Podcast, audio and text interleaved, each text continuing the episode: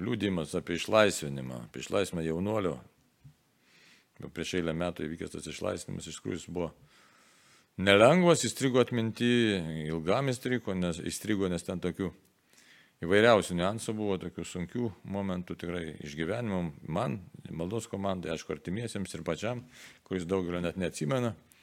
Kas ten buvo įspūdingo, reiškia, tai daug tiesiog tokių, kad na, kunigystės, ką aš, ką aš pats pasakyčiau, kad kunigystės gale nelikstama išriškėjo, kas teko ir namus važiuoti, lankyti, pasižiūrėti, kas ten darosi ir šiaip net priartėjant prie jaunolio, kuris pasirašė tą sutartį su piktoje dvasia, jis pradėdavo visas drebėti, nieko nereikdavo daryti iš tikrųjų. Net keista būdavo, kodėl aš taiga, kuo arčiau prie jo, jeigu šalia atsisėdė, visiškai negalėdavo pakęsti kunigo buvimo. Apie maldas jau nėra ką kalbėti, paskui ten ir, ir transo, ir netranso būsenos įvairiausios, ir lakstamai laukais, ir linkapinė ir taip toliau. Tai žodžiu, tokie dalykai, kurie, nu, darė nenormaliu jo paties ir jo šeimos gyvenimą. Nu ir čia koplyčiai taip pat čia dėjosi, tiesiog tikrai pritrūkdavo savotiškai, galim sakyti, nu, net ne, ne metafora, bet pritrūkdavo vietos. Štai, kad ir, ir, ir, ir šokinėjimai, ir, visokie judesiai, ir čia peršoko per altorių iš vietos, žodžiu, ir link langų, ir tiesiog galvo, kad su stiklais išlieks. Žodžiu, begalė tokių išorinių dalykų, išorinių, kas viduje, dėjosi jo viduje, tik jis pats gali vienas papasakoti ir suprasti, kas ten darosi. Mes maldos komanda irgi labai sunkiai išgyvenom, tai tikrai vyko tikra kova, kova už žmogų, reiktų taip sakyti, kova už žmogų, už jo sielą. E, Dievo kova, bet toj kovai Dievas davė malonę dalyvauti ir tikrai dar kartą ir dar kartą noriu pasakyti, tikra kova. Kova, kuri kainuoja, kuri kainuoja labai daug įtampos, labai daug įtampos kainuoja, nežinau, kiek ten tų lastelių ar kas ten vyksta, daug tokio nu, nerimastingumo ir naktinių kartais pabaiso ateidavo, piktoji dvasia gazdindavo, bet aišku, reiktų neįsigasti. Tai, va, tai lengva pasakyti, bet, na, bet tikrai dar ir dar ir dar kartą pasakyti, kad tai vyksta kova, Dievas leidžia toje kovoje dalyvauti, tai yra kova tikra ir jinai, jeigu pasitikė Jėzumi, Jėzus yra gydytojas ir gelbės šitoje vietoje, visiškai tik tai jisai, jinai duoda vaisių. Tai va, o, o tas liūdimas, aišku, tas liūdimas, sakau, tas įvykis įstrigęs yra ir ačiū Dievui, kad jis tiesiog taip po, po pusantrų metų maldos, aišku, viešpats suteikė laisvę, laisvę žmogui, kad jis toliau galėtų gyventi eiti ir, ir iš tikrųjų būti, būti savimi, būti nuostabiu Dievo žmogumi, kurį per Dievas nori toliau veikti. Tai tiek, toks mano tiesiog komentarėlis toks. Būkime visi palaiminti. Koks jūsų dabar yra santykis su Dievu? Pakankamai artimas santykis su Dievu. Jeigu mes pažiūrėtume į tai, koks kelias mane į tai atvedė, tai aš įvertinčiau, kad jis yra artimas, bet tuo pačiu dobėtas. Jis nėra tiesus ir aiškus. Mhm. O tas artumas, artimas santykis, kaip jūs jį palaikot? Visų pirma asmeninių ryšių, tai yra pokalbiai su Dievu, pasikalbėjimai, pasipikimai. Yra pamaldos, kas padeda neišklysti iš kelių, yra bendravimas su mūsų kunigai, šiuo atveju aš turiu dvasios tėvą, su kuriuo bendrauju. Tai padeda palaikyti man, man tą artumą. Bet visų pirma žiūriu į save, į savo pastangas, kad galėčiau realizuoti save, kur aš matau tą tikslą. Kaip kur aš esu, tas mano kelias į Dievą. Ir kiekvieną dieną stengiasi bent minutę dvi pagalvoti apie tai, kaip artumą galėčiau padaryti dar artesnį, bet būna ir nutolimų. Tai yra lygiai toks pats santykis, kaip mes bendravome žmogus su žmogumi, taip lygiai taip pat bendravome ir su Dievu. Palaikom tą santykį. O kodėl jums dabar tai yra svarbu? Palaikyti santykių su Dievu. Tai yra visų pirma dėl mm, mano patyrimų, dėl mano išgyvenimų, bet greičiausiai labiausiai dėl, dėl manęs pačio, kada santykis su Dievu man padeda suprasti tam tikrus dalykus gyvenime, kaip aš juos galėčiau vertinti, kaip aš juos galėčiau priimti, kurie mane galėtų vesti ir palaikyti mane, kaip sakant, tą tokią dvasinę pusiausvyrą, kartu ir emocinę pusiausvyrą, nes tikėjimas Dievu veda į kažką geresnio. Sako, dėl savo patirčių, tai visą laiką tas santykis nebuvo artimas, jisai atsirado gal visai neseniai. Santykis su Dievu mano visuomet buvo kažkoks, ar tai buvo artimas ar neartimas, labai sunku įvardinti, bet tas santykis mano nuomonė atsirado senai, tai toks artimesnis ryšys galbūt prieš septynerius, aštuonerius metus, kada turėjau galimybę pažinti tikėjimą iš kitos pusės. Tai jūsų istorija, žinau, kad e, pažinimo tikėjimo iš kitos pusės e, labai e, unikali. Tai galite ją pasidalinti. Aš manau, kad galiu pasidalinti tą istoriją unikali, unikali ji yra tik tie, kad turėjau dovaną patirti daugiau negu galbūt gali patirti kiti. Mhm. Ir ta dovana mane atvedė tam tikrą gyvenimo tarpą, kur aš esu dabar. Tai pradžioje e, mano ta patirtis, kaip kalbam, su Dievu jinai buvo visuomet, tai e, mano, mano šeima yra tikinti, Mes eidavome į bažnyčią sekmadieniais, aš pats taip pat esu priemęs pirmą komuniją, buvau prieš tai pakrikštytas. Tai ir gyvenau savo ramų gyvenimą, kol paauglystės metu mm, paštėjus santykiams su tėvams, pirmos meilės prasidėjo, mm, pirmi skausmai, žinot, nesutarimai visokie. Ir tiems skausmams ir nesutarimams įsibėgėjant sugalvojau iš esmės man nelabai sekėsi su jais susitvarkyti. Ir e, visuomet ieškojau, kaip man išspręsti tas situacijas, kaip ir galų gale prasidėjo toks stumimas iš vidaus, kad reikia ieškoti kažkokios tai pagalbos, kaip čia ką daryti ir kažkur begūglindama, žodžiu, atradau satanistinį saitą, kaip yra, mm, kaip, kaip galima išspręsti problemas parašius laišką velniui, ar ne? paprašius, ko tu nori, paukoti save ir, žodžiu, pasišvesti tam dalykui ir jam. Ir galvau, nu, laiškas išspręs, valio, neišspręs irgi gerai. Labai sėkmingai laišką parašiau, labai greitai užklievau, pasirašiau, liuks. Ir tos mano problemos nesisprendė. Aš. A, aš tik norėjau paklausyti dėl to paties laiško. A, tai tos jūs ilgai ieškojot, kaip spręsti tą pro, savo vidinės problemas ir jums iš vidaus atėjo, kad e, galbūt reikia kreiptis. Ne, ne iš vidaus atėjo. Aš ieškojau tiesiog internete, ta prasme, kaip yra sprendžiamos problemos ir man labai nesiseka ir aš iki pat smulkinų negaliu papasakoti, nes tai buvo gana nu, senokai ir aš iš tikrųjų nelabai atsimenu fragmentiškai tiesiog, tai tiek ir galiu papasakoti, kad radau informaciją, kad, prasme, satanistinis saitų jų yra daug labai, nu, ta prasme, mes galim žiūrėti ar filmus, ar kažką ir matyti tam tikrą pavyzdį, ar ne, kaip vyksta tam tikri susitarimai. Čia jau pasirinkimo klausimas, ar mes to tikim ar ne. Tai ir aš parašiau tą laišką, aš jį pasirašiau, ten buvo tam tikra formuluotė laiško ar ne, kurią ten tu pasižadi. Ir aš tą laišką turėjau, jis buvo pasirašytas. Pasižadi ką? Pasižadi atiduoti savo sielą? O, ne, ta prasme, jeigu aš gerai pamenu, tiesiog paskirti savo gyvenimą, ta prasme, kažkokia tai tarnystė, tai, nu. Tuo tai metu netrodė. Nieko, ta prasme, aš buvau pakankamai jaunas ir aš, nu, kaip pasakyti, neturėjau pakankamai žinių suprasti, ar tai yra tiesa, ar melas, ar tai yra gerai, ar blogai, nu, jaunam žmogui labai sunku atskirti, ar ne kas yra šiuo metu formuojama, kokia nuomonė. Ir tuo metu man lygiai taip pat buvo sunku atskirti, ar tai gera, ar tai bloga. Bet tuo metu jūsų gyvenime buvo kažkas e, vis tiek e, daug visokių tai sunkumų, tai sutrikimų. Taip, paauglystė yra normalus metas, kai žmonės mhm. paskatina ieškoti tam tikrų sprendimų, vieniems sunkiau, kitiems lengviau. Tai buvo galbūt mano toks pasirink, pasirinkimas, toks kelias, tokį pasirinkau sprendimo būdą.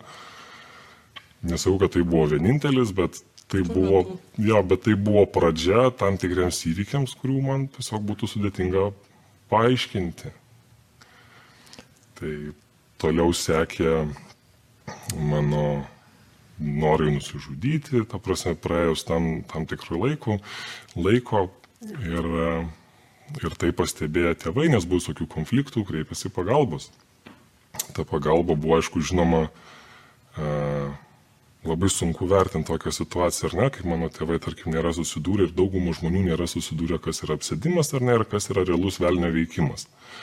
Nes mes greičiausiai visi turėtume puikiai suprasti, kad velnio yra pagrindinis tikslas suklaidinti, kad jo nėra, ar ne, tai yra labai aišku.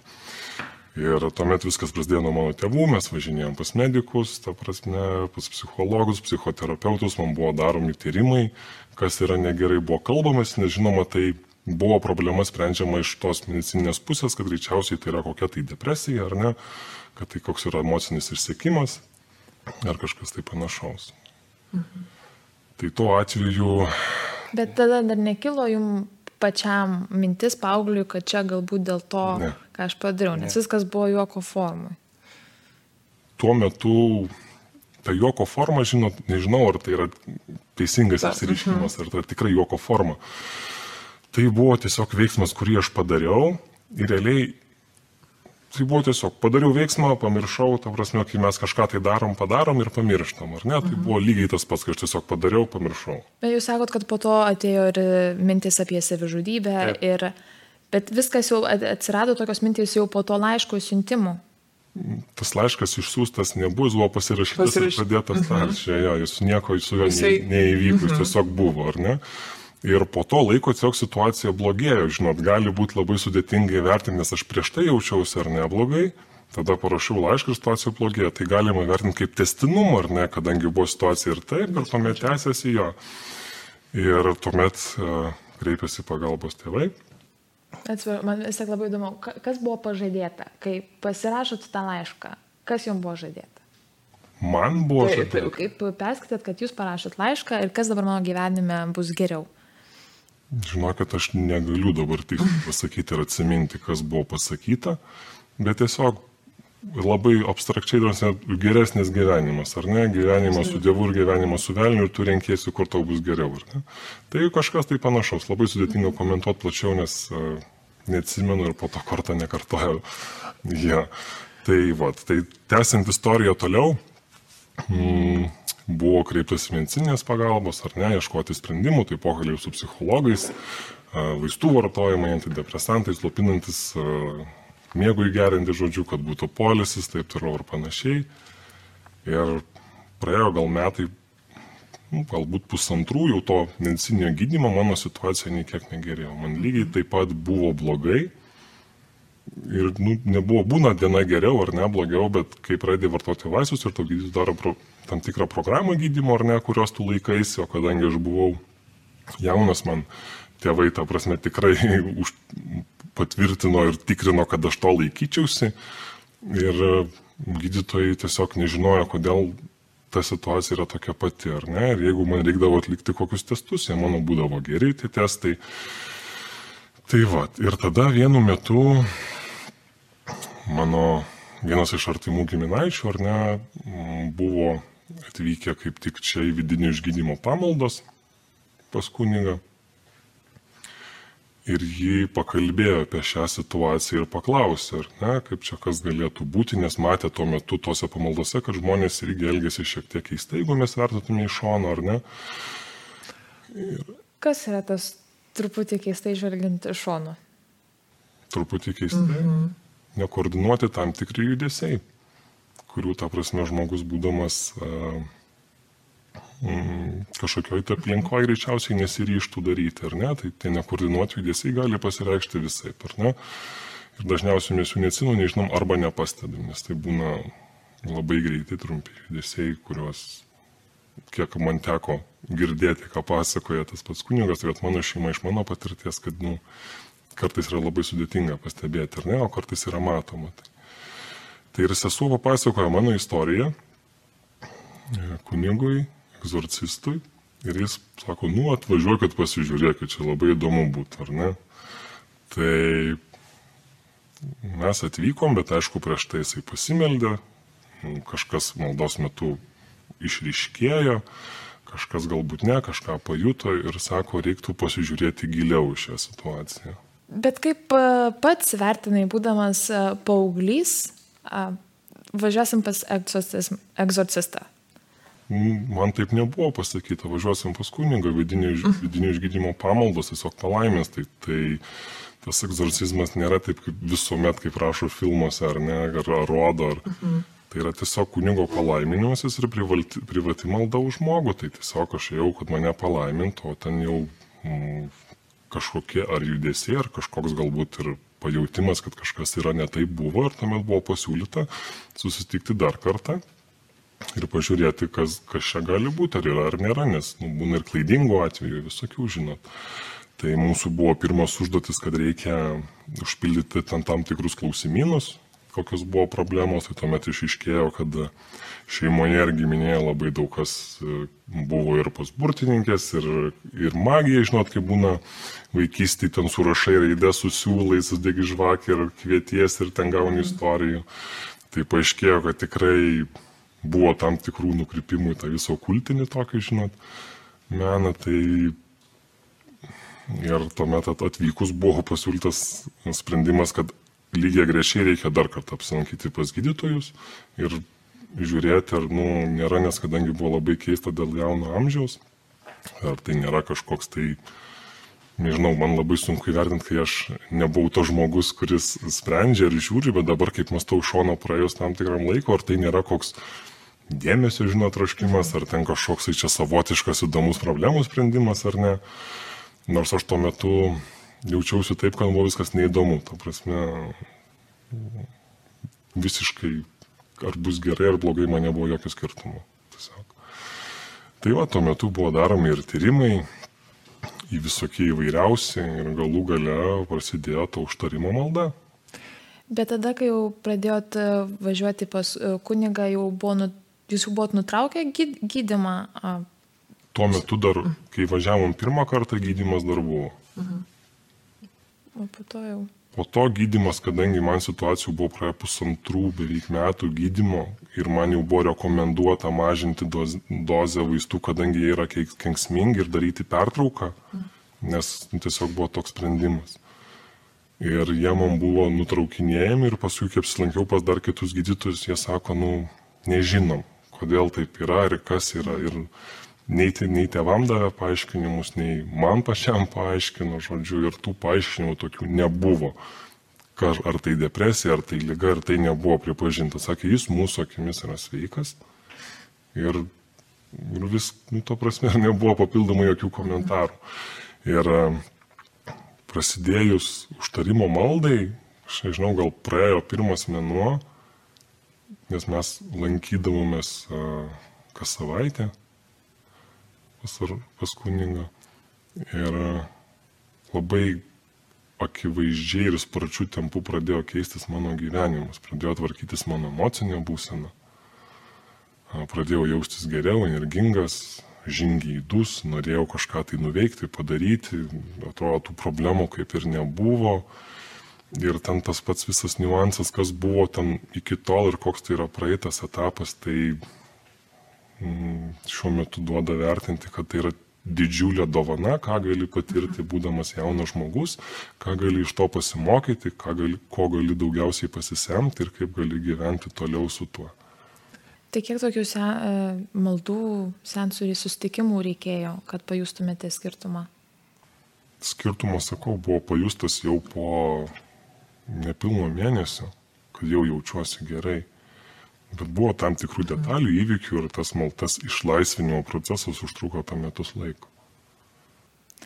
Tai gal galėtų porą detalių ir įvykių atskleisti, kaip atrodo iš tikrųjų ta malda ir ar jūs turit kažkokį prisiminimą, kaip jūs jautėtės per tą maldą, ar prisimenat, kaip jūs atvažiuojat, atvykstat, bet neprisimenat, kas vyksta ir tiesiog važiuojat namo galiu papasakoti jausmą, tai atsimenu atvažiuojant, tai yra baimės jausmas. Tu bijai ir pats nežinai, ko bijai, nes tu realių protų supranti, kad tu važiuoji į bažnyčią, tu važiuoji į mišes ar ne, bet iš vidaus tokia baimė, pyktis, agresija kyla, kur tu nelabai gali suprasti, kodėl. Ir tu visokios mintis lenda, gal nevažiuoju, gal, ai, gal čia nereikia, žinot. Ir taip tas toks vertinimas pasidaro labai, labai sudėtingas, ar ne? Ir e, atvažiavus, ta baimė niekur neišnyksta. Dažniausiai jinai šiek tiek pasinaikindavo po per mišių eigoje, per patį pakilėjimą ar ne. Tai matyt kažkaip tai veikdavo. O jeigu atsimint patį sensą, kas vykdavo ar ne, užtarimo metu, tai atsimenu labai, labai fragmentiškai ir labai man sunku yra pakomentuoti, nes toks kaip, tokia kaip mygla, nes nei jausmo nežinai, nei nelabai atsimeni, kas vyksta, bet po senso žinai, po maldos žinai, kad esi labai pavargęs. Mhm. Nejauti kojų, nejauti rankų ir nori tiesiog miegoti, nes nu, nėra... Visiškai. Jo, tiesiog yra toks nuovargis, nors tu galbūt stovėjai, sėdėjai, nieko nereikėjo daryti ir yra toks baisus nuovargis. Tai mhm. tie jausmai yra tokie, tai čia labiausiai greičiausiai žmonės galėtų papasakoti iš šono, ką jie matė, bet aš galiu žinot, ką patyriau, nes ne, greičiausiai mano dabar svarbiausias etapas yra, ką aš iš to sužinojau, ką aš turiu ir ką galiu su savo to žinojimu duoti kitiems arba duoti savo ar ne. Nes ta dovana yra, kad nėra skirta visiems. Nėra skirta visiems, kad tu eitum pasakotum, nes yra žmonių, kurie nenori, net netik ir netikės. Jūs dabar sakote dovana, bet Taip. jūs turėjot labai ilgus, sunkius e, metus ir jums buvo sunku, bet Taip, vis tiek. Ta patirtis, žinot, ką tu patyrei, ką tu supratai, ypatingai iš tikėjimo pusės, ar ne, tai man tai yra visiška dovana, nežinot, aš nemanau, kad Mm, iš mūsų kiekvienas turim problemų ir kiek iš mūsų kiekvienas yra ar apsėstas, ar kažkokių tai nu, kitų niuansų, ar ne. Aš manau, kad tai buvo tikra dovana, kuri mane atvedė į tą tikėjimo kelią. Galima gražinti dabar jau į pirminį klausimą, kad tai buvo tas, ta dovana, kuri mane atvedė į tą artumą, į mhm. ryšį, kurį dabar turiu su Dievu. Tai aš tai galiu vertinti kaip dovaną tą patirtį, ką aš patyriau ir kad aš sėkmingai gyvenu toliau, kad tai nepadarė vis, šiuo metu nėra jokios žalos, ta prasme, mano ar, ar psichikai, ar emociniai būsenai, ar dar kažką. Tai aš tiesiog esu laiminga šiuo metu. Bet e, po viso jūsų maldų, po tų metų daugiau, kaip intensyviai dirbote, tas darbas niekada negali baigtis. Tai žinot, gyvenimas yra kova gyvenimas yra darbas ir mes, kad sukurtume ir palaikytume tam tikrą artimą ryšį, turime dirbti, ar ne? Tai kaip mes tą darbą įsivaizduojame, tai taip ir darome. Tai aš kiekvieną dieną stengiuosi su tuo, kaip sakant, tu negali gyventi kiekvieną dieną ir galvoti, va čia tai buvo, buvo. Ne, tu tiesiog gyveni toliau, normalų gyvenimą ir dirbi, kad tas santykis neišnyktų su Dievu. Nes tu patyrei, koks jis yra geras ir tu gyveni toliau, kad stengtumės tai pateisinti už tą patirtą dovaną, kad tave išlaisvino, ar ne? Tai jau nebebūna tokių minčių, kas būtų gal vieną dieną pasikartos e, tas etapas. Ne, nes aš turiu tikėjimą, kad taip nebus. Mhm. Artimieji, jie visą laiką jūs palaikė, buvo šalia ir kaip svarbu jums buvo šiame, visame tame etape e, turėti artimus žmonės šalia. Taip, jie buvo visuomet šalia, svarbu, svarbu buvo, galiu pasakyti, kad labai, nes tas toks nestandartinės situacijos vertinimas, ar ne, jisai yra iš vienos pusės toks sudėtingas, kaip, nes tu vis tiek mastai kaip, kaip normalus žmogus, kaip tave žmonės priims, nes mūsų visuomeniai nėra priimta. Mes mėgstam rizikuoti, mėgstam žaisti ir neįvertinam, ar tai yra gerai ar blogai, ar ne. Tai šiuo atveju man buvo labai svarbu, kad šeima priimtų, išklausytų ir padėtų. Tai taip, jie dalyvavo su manim šitoje kovoje. Tai negazino, žodžiu, jų vis, viską, ką jie pamatė, ką jie patyrė kartu. Žinoma, kad greičiausiai gazdino, bet uh, jie to neparodė, nes galbūt nenorėjo gazdinti manęs, bet visą tą laikotarpį mes turėjom tikrai pagalbos iš kunigo, iš jo komandos žmonių, kurie tiesiog papasakodavo, kaip yra, kaip reikia vertinti ir kaip reikia tai priimti. Tai ta pagalba dvasinė ir emocinė yra būtinai reikalinga. Tai dvasinė pagalba, tai jūs dar dabar palaikot kažkokius glaudžius ryšius, tą nenutrūkstamą ryšį su kunigu ir dėl to, kad taip rekomenduojama, ar dėl to, kad jums pačiam norisi Matot, rekomendacijų ir vadovėlio, kaip gyventi po išlaisvinimų nėra. Kaip tu jautiesi, taip ir darai. Tas palaikymas ryšys su kunigu, tai jisai nėra būtinas, nes kunigas yra Dievo tarpininkas, ar ne, tai svarbiausias ryšys yra palaikyti su Dievu. Tai jeigu tu palaikai ryšį, tu stengiasi gyventi gerai arba taip, kaip tu supranti, kad yra gerai ir mokaisi iš savo tam tikrų pamokų, kurių gyvenimas tau suteikia, tai aš manau, kad tu eini teisingų kelių. Aš vis tiek dar noriu grįžti prie uh, to laiško. Jūs sakėt, kad buvo pildomas klausimynas. Uh, Ne. Atsakymai, kad vis dėlto buvo kažkada artimieji jūsų, taip? Taip. Jūs pats prisipažinot apie laišką iš karto, ar jums atrodė, kad tai nėra? Iš, dabar teisai nepamenu, bet greičiausiai, kad iš karto, ar bent jau eigoje buvau pasakęs apie tą laišką. Ir tuomet gal greičiausiai ir buvo tas pagrindinis kabliukas, iš ko buvo galima suprasti, kad yra sudarytas kažkoks tai sandėris, ar ne. Mhm. Ir čia matyti, aišku, tokia labai stereotipinis dalykas. Ir jūs sakot, kad jūs neprisimenat e, viso, kas su jumis vykdavo per maldą, bet ar jūs klausdavo, domėdavotės e, kitų, nes kaip ir užsiminėt, kaip yra rašoma, kaip yra vaizduojama e, filmuose tie egzorcizmas. Ar tokių istorijų išgirdot iš savo artimųjų apie save? Visų pirma, aš neklausiau. Niekuomet nesu klausęs, kaip buvo, nes iki šios dienos tai yra man skaudi tema ir nežinau, iki galo nesu suvokęs, ta prasme, tos situacijos svarbos dar savo gyvenime ir man būtų labai dar sudėtinga klausti, kaip aš elgdavausi, nes man yra svarbiausia, kaip aš jaučiuosi dabar, o ne kas buvo tada. Tai tas vertinimas yra labai sudėtingas, nes, žinot, vienam gali ir kojos trypčiamos būti baisus, kitam gali būti ir dar kažkas atrodyti, kad yra baisu, ar ne.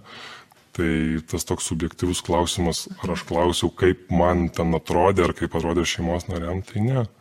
Nes man niekuomet nebuvo ir dabar nėra svarbu, kaip tai buvo. Man svarbu, kas įvyko po to ir kaip, e, kaip yra dabar. Bet e, kaip galvojat, ar jūs pats dabar galėtumėte, ar nebūtinai atpažinti savyje, tai matyti jau galėtumėt pajusti, kad e, kažkas eina į blogą pusę vėl, bet ar kitam žmogui irgi jau dabar po to savo patirties jau galite pamatyti, kažkaip išklausti, prieiti prie jo arčiau ir gal paskatinti ateiti į, į gerą kelią ir padėti.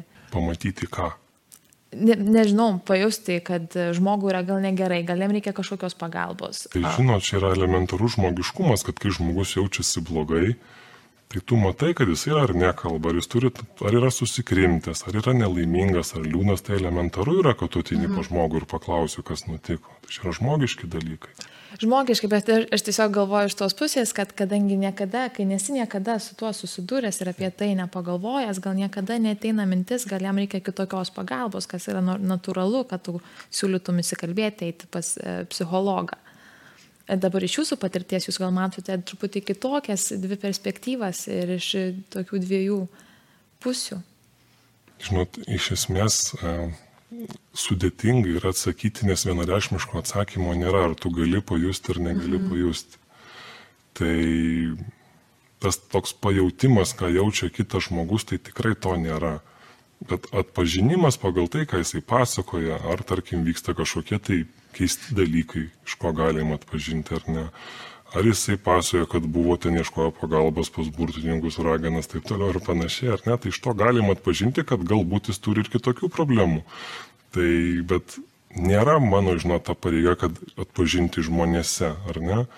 Bet e, jeigu žiūrint į žmogų, kaip jisai elgesi, tai galima matyti įvairiausių tų problemų, ar ne? Bet tas, ta pagalba, kuri ateina iš dvasinės pusės, jinai yra iš tikrųjų didelė ir yra e, egzorcistų puslapyje klausimynas, kurį užpildė realiai gali matyti, ar buvo tam tikri padaryti kažkokie nežinau kaip įvardinti, žinot, ar ten ar pažeidimai, ar kažkokie tai nukrypimai, ar ne, kurie galėtų įtakoti kažkokią tai veikimą. Tai tas atpažinimas toks yra labai, žinau, toks sudėtingas iš esmės dalykas, nors atrodo ir lengva, bet tai nėra paprasta. Bet e, gal pastebė, nežinau, pastebėjote, dabar jūs susidūręs artimai, ar žmonės turi kažkokį neigiamą, gal kritišką požiūrį į egzorcizmą ir visas. E, Matot, aš manau, kad žmonės turi tikrai mm, kritišką požiūrį į tai, kurie turi mažiau patirties su religija, ar ne? Nes e, žmonės, kurie pripažįsta Dievą, lygiai taip pat pripažįsta ir velnio veikimo, nes viena be kito nebūtų, ar ne? Tai lygiai taip pat yra ir su visais žmonėmis. Jeigu jie yra tikintis, jie tai priima ir supranta, kad taip gali būti. Jeigu žmogus turi e, neigiamą nuomonę ar ne šito klausimu, jo niekaip neįtikinsi, kad tai galėtų būti. Jeigu žmogus masto kritiškai ir, ir pasveria, kas yra konstruktyvūs argumentai, jisai masto, kad galėjo būti, nes, e, nes tiesiog nėra tokių tvirtų įrodymų, kad rodom, kad to nebuvo, ar ne. Tai jeigu tu mastai kritiškai, tu priemi, kad taip, tai galėjo nutikti žmogui ir tu norėtum, kad galbūt nenutiktų to tau, arba jeigu tu norėtum susidurti su mistiniais dalykais, tai žinai, bet dažniausiai neteina pas tuos, kurie nori ir to ieško. Tai, tai toks. Jūs sakot, kad, bet jūs sakot, kad tokia patirtim nesidalyjat, kas e, atvirai Taip. labai nešnekat, bet e, yra tekę vis tiek e, ją pasidalinti su kažkuo, kad tiesiog tai paskatinti žmogų kreiptis į Su kažkuo nėra tekę pasidalinti mhm. ir paskatinti, kad kreiptus pagalbos. Mhm. Jums buvo tas jausmas tada paauglystėje, kad ir dabar, kai lyginat, jūs sakot, kaip pasikeitė jūsų gyvenimas ir vidinė... Ne, matot, ne gyvenimas, bet apie būseną. Požiūris, bu, nu, to, požiūris į gyvenimą ir, ta prasme, tas formuojama asmenybė buvo visai kitaip iš kitos pusės. Uh mhm. -huh. Su tam kito, šiek tiek kitokiom vertybėm, negu tradiciškai dabar yra formuojami jauni žmonės. Taip. Tai ar galėtumėt sakyti, kad jautėt, kad tuo metu, o dabar žvelgiant iš e, šiandien, iš šiandienos perspektyvos, kad tuo metu jautėt, kad jūs valdė kažkas kitas, kad nebuvot, ne. nebuvot aš? Kad valdė, tai tikrai nejaučiau, kad nebuvau aš ir turėjau tam tikrų minčių, kurios mane skatino daryti tam tikrus žingsnius, kuriem nesiryščiau, tai taip, buvo tokie uh mhm. -huh. dalykai. Kad kartais tu nesupranti, kodėl galvoji apie vieną, Nors, nu, tu supranti, kad realiai pas tu taip negalvotum padaryti tokių dalykų. Mhm. Tai valdymo tikrai nejautau apie mintis, apie kažkokią tai būsnę, kur tu pradedi atskirti tą veikimą, tai taip buvo.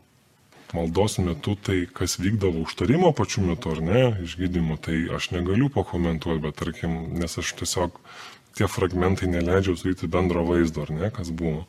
Bet jeigu priimti tai, kas būdavo namuose, tai kai E, pabundi naktį ar ne ir e, iš tokios baimės, kad e, toks naktinis siaubas, kad net labai žinau, kad sunku papasakoti, kai tu tiesiog bijai, tave pila šaltas prakaitas ir toks, toks siaubas, kur nu, labai sunku papasakoti, atrodo, net bijai pajudėti, nes kažkas yra šalia. Buvo rytų, kai tas puolimas dažniausiai pasireikždavo, žinot, namuose arba nu, kažkokiam gyvenime, kas virsdavo į realumą, kai miegant naktį uždarytais langais trenkėsi kambario duris ir mm, spintelė visai buvo tokia lentyna, ant jos būdavo kryžius ir būdavo vėl lentyna, ar ne? Ir ta lentyna visa sulūšta nuo durų trenksmų ir lentyna laikosi tik ant to kryžiaus, kuris yra pastatytas. Tai tų momentų yra buvo visokių, kur tu realiai sudarė, kai tu esi dar e, ir tie labiausiai pareiškėjo tuo metu, kai kova, išlaisvinimo kova buvo pačioj pusiaukeliai, ar ne? Kai ir viskas paaštrėjo tuo metu, kai esant toj pusiaukeliai, ar ne? Ir ta kova, kaip ir jau aišku, kuria pusė krypsta, bent jau man ar ne, kaip, nes aš darau pasirinkimą, kaip aš noriu gyventi. Ir tuomet prasideda nebe vidiniai tokie polimai, o išoriniai. Kai važiuojant sproksta padanga mašinos į pamaldas, kai tu negali atsikelti, nes tau viskas skauda. Tai tu sergi, tai vėl kažkas nutinka, žodžiu, visokios kliūtis, kad tu tik nepasiektum to galutinio tikslo. Tai visokiausių tų dalykų, ką aš atsimenu, yra buvę kad, nu, ir tu paskui supranti, kad tai nutiko, ta prasme, nu, ta prasme ir tu to labai nesureikšmai, nes tu supranti, kad iš nevilties, tai ar žmogus ar dvasia gali padaryti visokių dalykų. Tai šiuo atveju greičiausiai tai dvasiai buvo neviltis agonija, kad žmogus bus išlaisvintas ir tiesiog buvo įvaroma baime, kad reiktų rinktis kitą kelią, kad taip neatsitiktų. Bet iš to, kaip pasakojat, atrodo, kad to pusiaukelį jūs niekarto nesudvėjojot, kurį ne. Kelią renkate. Niekada nebuvau sudvėjojęs, kurį kelią renkuosi. Mm, tai žinot, pastovus pokalbis su žmonėmis, ar ne šiuo atveju kunigų šeima, malda, ir tu pradedi suprasti, kas yra teisinga ir ko tu nori gyvenime, ar ne, tai šiuo atveju sekti Kristumi. Mes galime pasakyti taip. Ir kai, kai tave pradeda pulti, ar ne, tai nebėra tik mintis ar kažkas, jau tai yra tam tikras polimas, realus, kurį tu jauti, tai supranti, kad tai nėra geras kelias. Kad tai yra visiškai priešinga tai, ko aš noriu savo gyvenime. Mhm. Tai tas pasirinkimas toks ir buvo, kad kai pradėjo iškėti tie pirminiai ženklai, kas persikėlė į namus, žino, tai labai mažai to norėjusi savo gyvenime, kad taip atsitiktų. Jeigu paklaustume dabar, ar aš bijočiau, kad tai galėtų nutikti kažkas panašaus, aš manau, kad taip, nes tai yra vienareišmiškai, ta prasme, nu, tokie dalykai, mm, šiaip yra, nu, nekokia patirtis, tarsi, nes tu vis tiek bijai ir tu labai išsimuši, tave išgazdina. Bet tas pasitikėjimas Dievu gelbsti tave, kad nu, tavęs nepalieka vieno. Mhm. Tai ačiū labai, kad pasidalinot savo patirtimi. Prašau.